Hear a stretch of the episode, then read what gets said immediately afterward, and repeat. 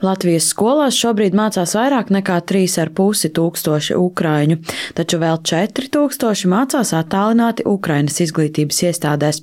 Olga ar dēlu uz Latviju atbrauca kara sākumā. No sākuma dēls mācījās attālināti, jo ģimenē cerēja, ka karš neievilksies.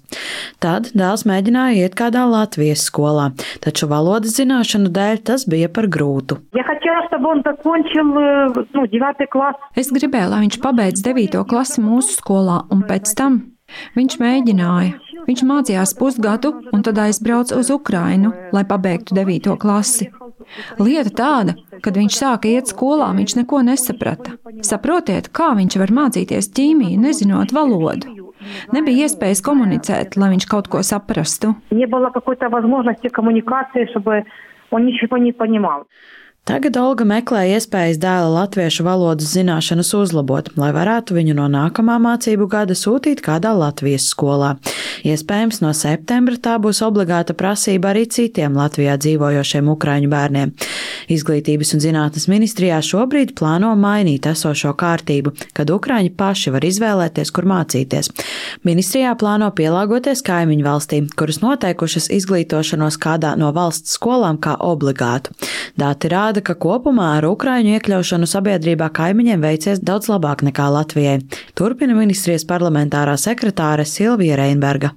Šeit arī bija ļoti svarīgi dzirdēt tieši no Ukrāņu pārstāvjiem, ka viņi to absolūti atbalsta, ņemot vērā, ka Ukrāņu ģimenēm ir jāintegrējas mūsu sabiedrībā, viņiem ir jābūt redzamiem mūsu sistēmās, un lai mēs varētu tiešām parūpēties par to, ka neviens bērns Latvijā nav tā teikt neredzams vai kaut kur sistēmā pazudis, tad mums ir ļoti svarīgi, lai mēs viņus paši ieintegrētu mūsu izglītības iestādēs, mēs varētu pārliecināties par viņu gūtajām zināšanām, ka viņi ir sveiki, veseli, viņi ir drošībā. Tāpat šis process palīdzēs Ukraiņiem apgūt latviešu valodu un potenciāli nākotnē atrast darbu. Tas atslogos arī vecākus.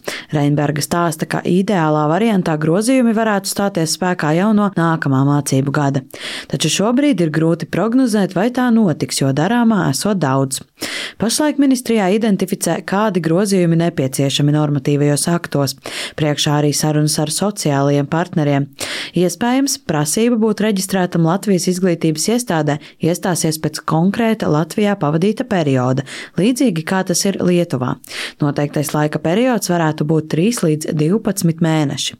Organizācijā gribu palīdzēt bēgļiem novērtē izglītības ministrijas gatavību šo soli beidzot veikt. Tomēr arī atzīst, ka priekšā vēl daudz darba. Turpina organizācijas vadītāja Linda Jākopsone Gavale. Mums šī pusgada laikā būtu jāsaprot, kā palīdzēt gan bērniem labāk sagatavoties mācībām Latvijā, un tas būtu gan atbalsts ar latviešu valodu, gan iespējams arī uh, labāk izpēt par to, kā vispār darbojas mācību sistēma Latvijā. Tas būtu noteikti ļoti būtisks darbs ar vecākiem, palīdzot arī vecākiem saprast, kā tiek organizētas mācības Latvijā. Tāpat uh, mēs saskatām, ka ļoti nozīmīgi ir domāt par pedagoģu palīgiem. Gavale uzskata, ka nopietni pievēršoties šim jautājumam, jautājumam ir iespējas izmaiņas panākt līdz šī gada septembrim. Izglītības kvalitātes valsts dienests ir sācis apzināt, kurās pašvaldībās kādi ukrāņu bērni dzīvo un kādas ir viņu vajadzības. Gavale uzsver, ka svarīgi arī pārņemt starptautisko pieredzi ceļā uz šīm pārmaiņām. Izglītības ministrijā atzīst, ka visticamāk pārmaiņu īstenošanai būs nepieciešams arī papildu finansējums gan izglītības iestādēm, gan citām iesaistītajām pusēm. Paula Dēvica, Latvijas Radio.